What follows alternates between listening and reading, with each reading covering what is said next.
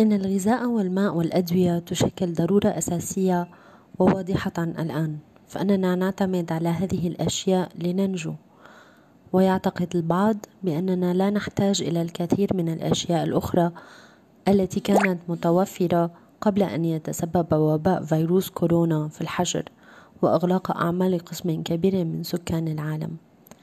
وعلى هذا فإن ما يشكل ضرورة أساسية. أصبح مسألة مناقشات متعمقة في مختلف أنحاء العالم والتي تختلف جذريا وفقا لمن نسأل وأين يعيشون.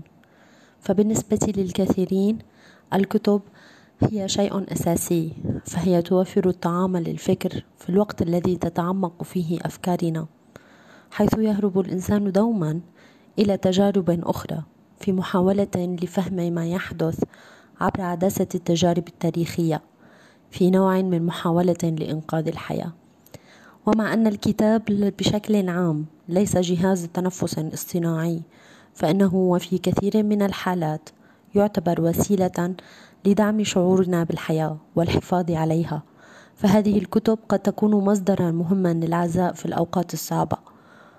ربما لا تكون الكتب ضرورية بالنسبة لبعض الناس في هذا الوقت ولكن تصورها على أنها غير مهمة وغير جوهرية بالمطلق أمر إشكالي أيضا وغير صحيح للكثيرين.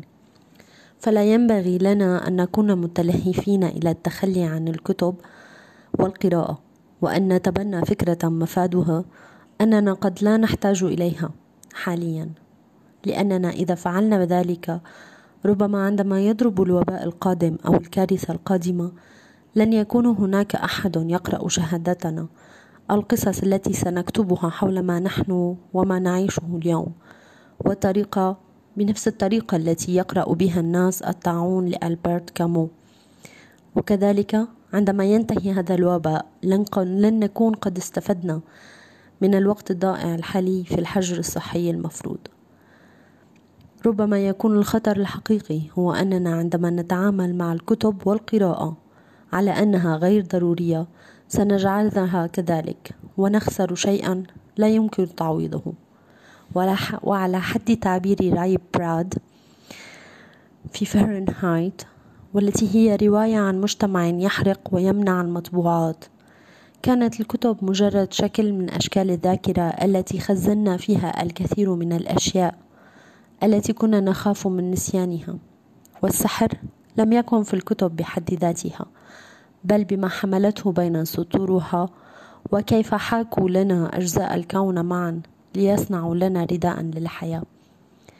وانطلاقا من إيمان جمعية سياب بأهمية الكتاب والقراءة وكيف نستطيع بهما إغناء وبناء مستقبل أفضل ولاستغلال الأوقات الحالية ضمن الحجر الصحي. تطلق الجمعية السورية لرواد أعمال الشباب مشروع القراءة الرياضة.